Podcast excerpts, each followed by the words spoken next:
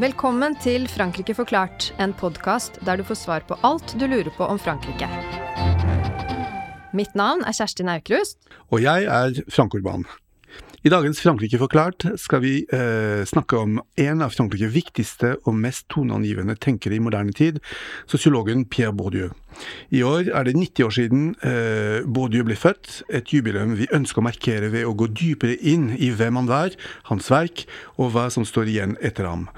Med oss for å snakke om alt dette eh, er vi så heldige at vi har fått med oss eh, en av Norges fremste eksperter på Bourdieu, sosiolog Magne Flemmen. Velkommen. Tusen takk. Magne er professor i sosiologi ved Universitetet i Oslo, der han i tillegg til å jobbe med Bourdieu interesserer seg særlig for klasseteori, klasseanalyse og sosial ulikhet. Han er også kjent som rapper og hiphop-produsent under artistnavnet Definite og var en av de første til å gjøre såkalt battle rap på norsk, har jeg lest meg opp på Wikipedia. Magne, du skal ikke battle-rappe her i dag, selvfølgelig, men det Ikke sant? Puh. Men det er ditt Det hadde vært noe, ja. Det blir neste post. Men det, det er selvfølgelig ditt virke som sosiolog som interesserer oss. Du har jo jobbet veldig mye med Bourdieu opp gjennom din akademiske karriere. Kan du først fortelle eh, oss litt om hvem Per Pierre Bourdieu var? Altså hva slags bakgrunn hadde han? Nei, altså han hadde jo en uh, relativt beskjeden uh, bakgrunn fra en slags uh, kanskje lavere middelklasse familie i Pyreneene. Jeg tror faren hans var funksjonær i Posten, eller noe sånt. Så var han liksom tidlig skoleflink, og så gjennom diverse oppmuntring fra noen lærere og sånt, så ble han liksom gradvis skyfla inn i liksom de viktigste eliteinstitusjonene omtrent i, i fransk utdanningssystem, og før han da landa på, på slutten av karrieren i den mest, kanskje mest liksom, prestisjetunge eh, posten man kan ha, tror jeg, som professor i sosiologi på Collège de France. Så, og gjennom det da, så leder han jo det veldig sånn viktige senteret for europeisk sosiologi, som jeg, som jeg ikke skal tørre å prøve å uttale engang. Men ja, gjennom flere sånne viktige poster, da. Så fra relativt beskjeden bakgrunn i liksom, provinsen til uh, en av de aller høyeste posisjonene i fransk akademia. Og jeg har sett han også omtales som uh, antropolog også, er det riktig, eller han, er det sosiolog som er ja, det som er litt sånn eh, spesielt med han, er at han er jo ikke utdanna samfunnsviter i det hele tatt. Han er jo utdanna filosof. Uh, og så var det mens han var stasjonert i Algerie at han begynte å jobbe antropologisk der, egentlig. Da. Det er en slags uh, Ja, altså den grensen mellom antropologi og sosiologi, den er jo flytende, kan man si. Uh, sånn at de første tingene kan du kanskje kalle mer antropologisk, det som han drev med i Algerie og sånt. Men når han kom tilbake til Frankrike, så satte han jo i gang med disse etter hvert veldig innflytelsesrike studiene sine av skole og utdanning, da. Mm. For de som ikke kjenner Bourdieus verk så godt, kan du si litt om uh, hva som er de, de, røde, de røde trådene i, uh, i, hans karriere? Hva var han ute etter å undersøke?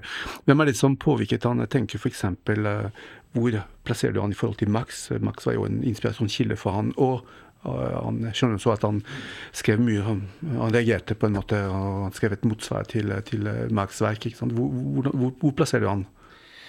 Nei, altså Det er jo øh, vanskelig å si én rød eller, Men vanskelig å si noe veldig generelt som måte skal karakterisere veldig mye forskjellige ting som man har gjort. Men en, et sånn gjennomgangstema er jo liksom at det er en, en sosiologi om makt, eller dominansforhold. Da. I sosiologi skiller vi jo noen ganger mellom makt og dominans, hvor dominans er den mer strukturerte, varige formen for makt, da, kan man si. Så det som kanskje er en slags signaturidé hos Bourdieu, er at, øh, at en viktig måte makt fungerer på, er at den øh, ikke forstås som sådan, eller miserkjennes, da, som man sier, eller som vi oversetter et norsk, miserkjennes både av de som eh, er underlagt makten, og ofte de som også utøver den. Med miserkjennelse så mener altså Bourdieu at makt ikke forstås som det, da, at det forstås enten som noe eh, nådegave eller noe naturgitt eller noe, noe fritt, f.eks. Så et sentralt poeng for han er å vise hvordan f.eks. det i skolesystemet under, under ikke av å være bare en belønning av meritter, talenter og innsats og evne, egentlig skjuler seg en form for forskjellsbehandling etter klasse, eller klasserasisme, som man sier noen ganger. da. Og så går han jo videre i, i distinksjonen, så er jo poenget å vise at selv under så uskyldige ting som smak og preferanser, så skjuler det seg også former for uh, makt under det, og at, og at uh, kulturen, smaken, livsstilen på en måte er med å reprodusere eller opprettholde klasseskillene. Mm. Hvem er som, hvem er liksom inspirert han? Ja, det var det, ja. Nei, er, det er jo interessant hvis man måtte situere han opp mot det intellektuelle feltet på den tiden hvor han kommer fram, for han posisjonerer seg jo mot alle de måte, dominerende tendensene, kunne man si, da, i fransk åndsliv på den tiden. Eh, han er jo veldig tydelig inspirert av strukturalismen til Claude Lévi-Strauss, f.eks. Det er en tydelig inspirasjonskilde som, som de tidlige arbeidene hans kunne si er omtrent strukturalistiske.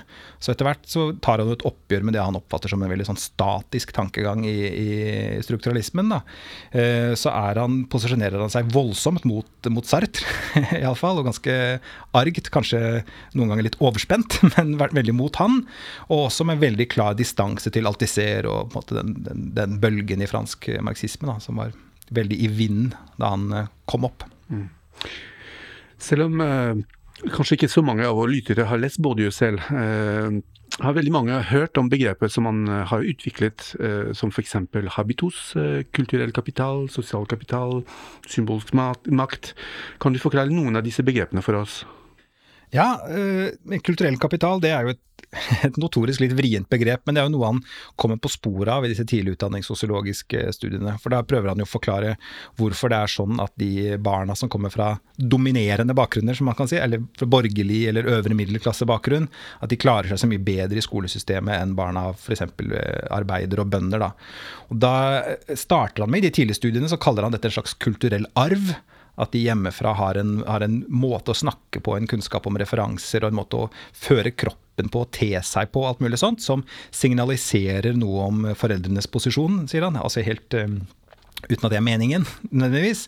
Og at det Teoriene sier jo noe sånt som at det gjør et slags sånn positivt inntrykk på lærerne, da, som gjør det mer positivt innstilt overfor sånne elever, pga. en slags sånn hva skal man si, implisitt anerkjennelse av den kulturen da, eh, fra lærerens side. Ikke med vilje, på en måte, men implisitt og i praksis. da. Så utvikler han det videre til dette begrepet om kulturell kapital. da. Så i det begrepet så ligger det jo at det fins visse typer eh, kulturell kompetanse, kunnskaper, smak, referanser og sånt, som verdsettes på en måte som gjør at de kan fungere eh, analogt til økonomisk kapital, eller penger, da, sier Bourdieu. En måte å skaffe fordeler på. Men det er klart det er jo en metafor. En, en måte å prøve å beskrive noen sider ved hvordan kultur kan fungere i, i, i skolesettingen. Eh, og han var jo også veldig klar på at det er grenser for den metaforen også. At eh, det er f.eks. en kapital som ikke blir mindre av at du bruker den, f.eks. Som jo er en slags grense ved kapitalmetaforen, kanskje. da. Ehm, så eh, i forlengelse av det så han, eh, kommer han jo også med dette begrepet om habitus, som han jo tidlig omtalte som etos, eller noe sånt. da. Men habitus skal jo da vise til folks sosialiserte eller innlærte måter å tenke og være på, og oppfatte verden på, som det er viktig for at Bourdieu er, fungerer på en slags prerefleksiv eller ikke-refleksiv måte. Da. Altså at det er de kategoriene og den måten å tenke på som du som ligger til grunn for alt du tenker å gjøre, som bare til en viss grad er mulig å gjøre seg bevisst. da. Så en slags kroppsliggjort væremåte og tankemåte som man har med seg spesielt gjennom sin eh, tidlig, fra sine tidlige år, men som man eh, etter hvert eh, understreker formes jo gjennom hele livet. da, Ens måte å tenke på, oppføre seg på, være på. Og det Begrepet om symbolsk makt det, det spiller jo nettopp på dette med miserkjennelse. At symbolsk makt det er liksom den makten som du får av at folk eh, ikke forstår hva, eh, hva, hva privilegiene dine egentlig bunner i. Kan man si da, at du har f.eks. at eh, de, For å gå tilbake til det utdanningssosiologiske eksempelet, at de barna fra privilegert bakgrunn nyter en form for symbolsk makt, fordi skolen premierer de med toppkarakterer og gode vitnemål, alt mulig sånt, som i realiteten eh, i noen grad eh, kommer av klassebakgrunnen deres. Men så framstår det bare som begavelse og innsats og talent. og Da blir den på en måte privilegiene deres miserkjent, og du, du får symbolsk makt, da, kunne man si hos uh, Bourdieu. Og Det er jo knytta til dette også begrepet om symbolsk vold, som også er denne måten uh, hvor, hvor, måte maktforhold tilsløres eller ikke forstås eller eufemiseres eller forskjønnes. eller noe sånt. Da. Mm. Du nevnte jo også eh, et verk så vidt i stad, 'Distinksjonen', mm. Eh, som er kanskje et av hans viktigste verk. Den fulle tittelen er eh, 'Distinksjonen en sosiologisk kritikk av dømmekraften'. Og dette begrepet distinksjon handler vel ganske mye om smak, altså god versus dårlig smak, og at det ligger noe makt i det også, er stemmer det? Eh, jo, absolutt. Ja, altså det, Bruken av det begrepet det er jo litt sånn typisk, eller på en typisk og utypisk for Bourdieu. For han bruker det en slags hverdagslig betydning der. Ellers er han ikke så glad i hverdagslige betydninger av ting. Men, så han spiller på den dobbeltheten som det er i både den, det å være distingvert, men også det å gjøre en distinksjon. Altså det å kunne skille noe eh, fra hverandre.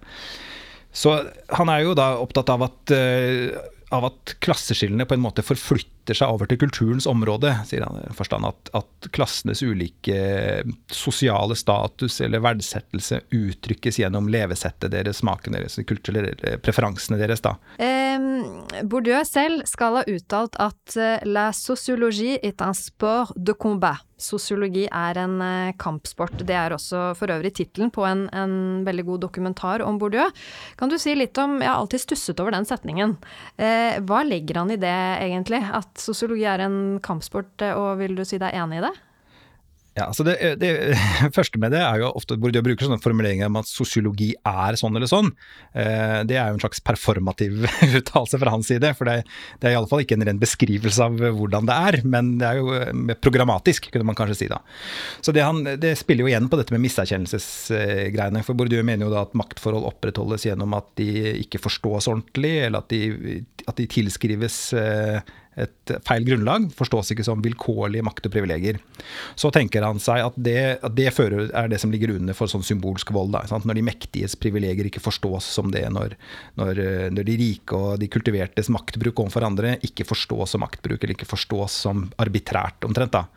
Så tenker han seg at sosiologi kan, kan da i beste fall bidra til å klargjøre eller avsløre de maktforholdene, hvordan de virker. Og det tenker han seg er en slags form for selvforsvar. Et slags intellektuelt selvforsvar. Så f.eks. at uh, i de utdanningssosiologiske arbeidene så sier han jo dette at uh, gjennom den prosessen som er der, hvor de fra de privilegerte klassene belønnes urettmessig, så lærer jo andre å tenke på seg selv som dumme eller udugelige eller uverdige, på en måte. Så tenker han seg at det er en slags, at sosiologien kan bidra med en slags form for selvforsvar i å avkle hva det er som foregår der. da. Og da på en måte kanskje minske denne tendensen til sånn eh, selvekskludering eller å klandre seg selv, selvstigmatisering omtrent, da, som man kan bli ledet til da. Og dette generaliserer han jo mer generelt. da. Så han tenker seg at det er eh, selv, selvforsvar i den forstand at man kan da avkle denne mystifiseringen av makta. Ja, og den, den funksjonen, mm. eh, å avkle, det er vel noe som er en idé som står ganske sterkt i, i sosiologien eh, i dag, og er mitt inntrykk i hvert fall. Og at, vil du ikke dermed si at eh, Bourdieu har vært veldig viktig for utviklingen av sosiologifaget, både internasjonalt, men kanskje også i Norge spesielt? Ja, han eh, må jo vel regnes som å være en av de liksom fremste moderne klassikerne, kunne man si. da. Det er jo få andre sosiologer som refererer, altså enkeltstående sosiologer som refererer så mye til og diskutere så mye. Så på den ene siden er han jo kanonisert og en viktig inspirasjonskilde, men er jo fortsatt en kontroversiell figur, kan man si. Det er jo mye, både i Frankrike og i Norge og i andre land, så er det mye sånn posisjonering for og mot Bourdieu som en slags måte å plassere seg selv på, da, som folk eh, bruker. Sånn at selv om det er mange som på en måte deler det idealet der om sosiologi som kampsport, at det skal være en slags, at det frigjørende går gjennom noe bevisstgjørende eller noe avmystifiserende da, hos Bourdieu, så er det mange som har posisjonert seg veldig mot det, og sier at eh, på hvilket grunnlag skal på en måte sosiologen kunne vite bedre enn folk selv hva som er sannheten om deres eget liv, og hva slags posisjon snakker han egentlig fra?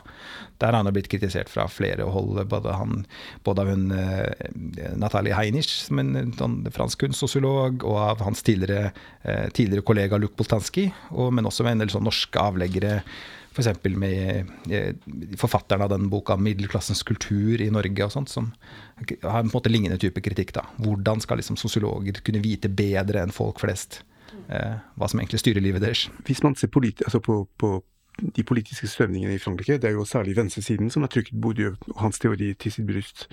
Eh, hvilken rolle har Bourdieu hatt politisk eh, i Frankrike? Jeg tenker spesielt på at uh, han ble omfavnet av venstresiden, samtidig som han selv forkastet begrepet klasse. og sa at man kan ikke snakke om at klasse, klassene fins, fordi det er jo et man er ikke bevisst. Uh, altså man, konstruer, man, kan konstruere begrepet. Uh, hvor, plasserer han, hvor plasserer du han i det politiske spekteret i Frankrike? Nei, han er ikke umiddelbart så lett å sette i bås. for han, eh, som jeg sa i sted, han var jo veldig opptatt av å distansere seg fra marxismen, f.eks., og etter hvert distanserte han seg også mye fra sosialdemokratiet, kan man si. Men i hvert fall gjennom hele hans eh, virke så har han jo på en måte vært mer eller mindre dratt inn i noen politiske kamper. ikke sant? Altså Det han skrev fra Algerie, var jo, hadde jo tydelig kritisk brodd til hva som hva Frankrike foretok seg der. De utdanningssosiologiske arbeidene hans de var jo også eh, i høyeste grad politiske, i den forstand at han eh, gjorde seg til talsperson for en slags rasjonell pedagogikk, som man sier da, som ikke skal ha disse, disse skjulte klassedommene og sånt. Så han var jo rådgiver for Sosialistpartiet, tror jeg. Eller han var dratt inn i noe sånt komitéarbeid av Mitterrand, tror jeg, og sånt. Eh, så ble han eh, økende grad distanserte han seg fra det også. Og så er det jo liksom det han er mest berømt for, kanskje som er fra slutten av midt fra midten av 90-tallet, hvor han på en måte blir en sånn veldig uttalt offentlig politisk intellektuell til støtte for streikende arbeider og pride-bevegelse og alt, alt sånne ting. da. Så da er han jo helt tydelig på venstresida, og, og det franske sosialdemokratiet hadde jo dette begrepet om la gauche bourdisienne, sånn, altså Bourdieu-venstre, som en slags sånn betegnelse for ytre venstre eller noe sånt. Da. Hvis man ser på hans relevans i, uh, i dagens uh, altså dagens samfunn i Frankrike. Mm. Altså, vi har en situasjon hvor populismen, altså særlig på høyresiden, mm. forsøker, dekt, fordekt eller ikke, å bytte, bytte klassebegrepet ut med, med identitetsbegrepet. Mm. Eh, kan man snakke om eh, kan man snakke om en slags en form for uh, ny bourdieusanisme som kunne komme som et slags motsvar til, til, til et sånt forsøk fra populismen, og særlig den høyre populismen? Bourdieu sier jo at eh, paradoksalt nok så er det sånn at med Marx at han oppdaget jo ikke klassen, han var like mye med på å finne det opp, på en måte, og lage begrepet for det. Så Bourdieu er jo opptatt, han omtaler jo klasse et sted som en velfundert konstruksjon, som han sier. da. Jo, man må jo ikke mista det for å være reelt eksisterende størrelser, men de hen, det henspiller på eh, reelle forhold. på en måte da. Det man mener med klassebegrepet, kan man si. da. Sånn at det viser jo disse reelle forskjellene. Men et viktig poeng hos Bourdieu er jo nettopp at gåseøyne objektivt eksisterende samfunnsforhold, altså ulikhet og makt f.eks., de kan jo representeres, eller de kan begrepsfestes eller forstås på mer enn én en måte. Det er ikke noe én-til-én-forhold mellom hvordan ting forholder seg, blir, hva slags begreper man putter på det, eller hvordan man tenker om det.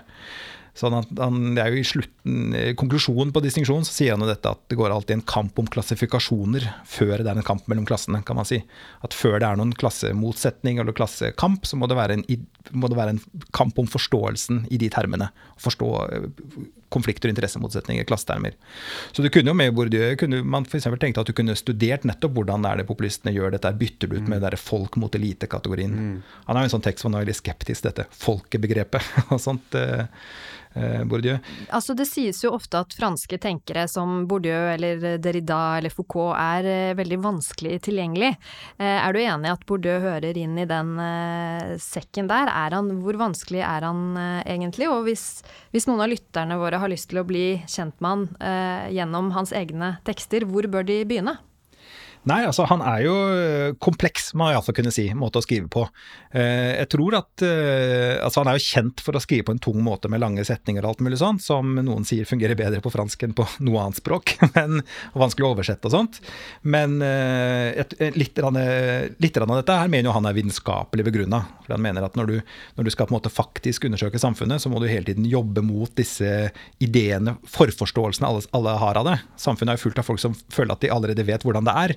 Sånn Derfor er han opptatt av at du må hele tiden drive og bryte med for, for, forforståelser og fordommer mens du jobber med det. Så derfor mener han at det er umulig å på en måte skrive på en lettforståelig, rett fram måte. For da spiller du på folks måte, for, forforståelse. Så hvis du skal bryte med den, så blir det vanskelig, tror han mener da.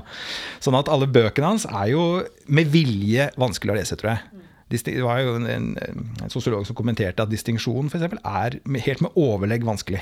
At den, er, den prøver hele tiden å forklare deg hvordan det er, og i det øyeblikket du føler at du skjønner det, så vil han liksom bryte og si sånn Det er ikke så lett! liksom, se her nå. Og sånn er det jo gjennomgående i bøkene. men en del av de tingene som har vært muntlig og konferanseframlegg og sånt, de er lettere å lese, kanskje, da, som er samla i, eh, i det er i hvert fall tre sånne essaysamlinger. En som heter 'Sociology in Question' på engelsk, eh, og en som heter eh, In Other Words, som er en sånn samling av intervjuer og, og sånt, og, et, og et essaysamling eh, som på norsk heter Symbolsk makt. Som samler mye av de tekstene som heter fra, som, eh, Er det Ressort Pratique det heter på engelsk? Nei, fransk. Eh, ja. De tre der er iallfall sånn relativt tilgjengelige. Og hvis man skal liksom ha en sånn faglig innføring, holdt jeg på å si, hvis man, måte i helheten av det han mener og sånn, så er den eh, boka som han har sammen med Louis Quacca som heter An Invitation to Reflexive Sociology, sikkert den liksom beste introen da, Ja. i hvordan han tenker. Flott. Disse referansene kan vi legge ut eh, på vår ja. Facebook-side. Men på slutten av hver episode så ber vi vår gjest om å komme med en uh, fransk anbefaling. Nå har du allerede kommet med flere, men har du noe, noe annet å, å oppfordre lytterne våre til, Magne? Ah, Det er veldig vri, vrient. Jeg kom på veldig mange, mange ting som jeg eh, hadde hatt lyst, lyst til å tipse om. Men jeg, jeg skal begrense meg til én ting, så vil jeg faktisk eh, anbefale den, en eh, Olivera Sayas-film. Eh, 'Carlos'. Best hvis man kan få sett den fulle miniserieversjonen i fem episoder, men den fins også i en slags forkorta versjon på Mubi, iallfall. Den er et veldig fascinerende stykke nyere historie, altså, om eh, den på en måte, le internasjonale leiemorderen, eller eh, leieterroristen, kan man kanskje si. Sjakalen. Da. Ja, sjakalen, nemlig. Frank, har du også en liten anbefaling? Ja, det har jeg. Eh, Bourdieu har ikke bare stor betydning i sosiologi, han kan også brukes i internasjonale relasjoner for å tolke bl.a. maktrelasjoner, diplomati, sikkerhetspolitikk eller miljøpolitikk. Derfor valgte jeg en bok av eh, Rebekka Nils Nissen fra 2012, Bourdieu in International Relations, Rethinking Key Concepts in ER, som nettopp prøver å bygge bro mellom Bourdieu sosiologi og faget internasjonale relasjoner. Den er publisert av Taylor and Francis. Da gjenstår det bare å takke vår gjest Magne Flemmen, så høres vi igjen i neste episode av Frankrike forklart. Au revoir! Denne podkasten er et samarbeid mellom Universitetet i Oslo og Høgskolen i Østfold. Abonner på Frankrike forklart på iTunes, Spotify eller på andre plattformer der du lytter til podkast. Har du kommentarer til oss eller forslag til temaer vi bør ta opp, kan du sende inn det via vår Facebook-side Frankrike forklart. Her vil du også finne informasjon om dagens episode.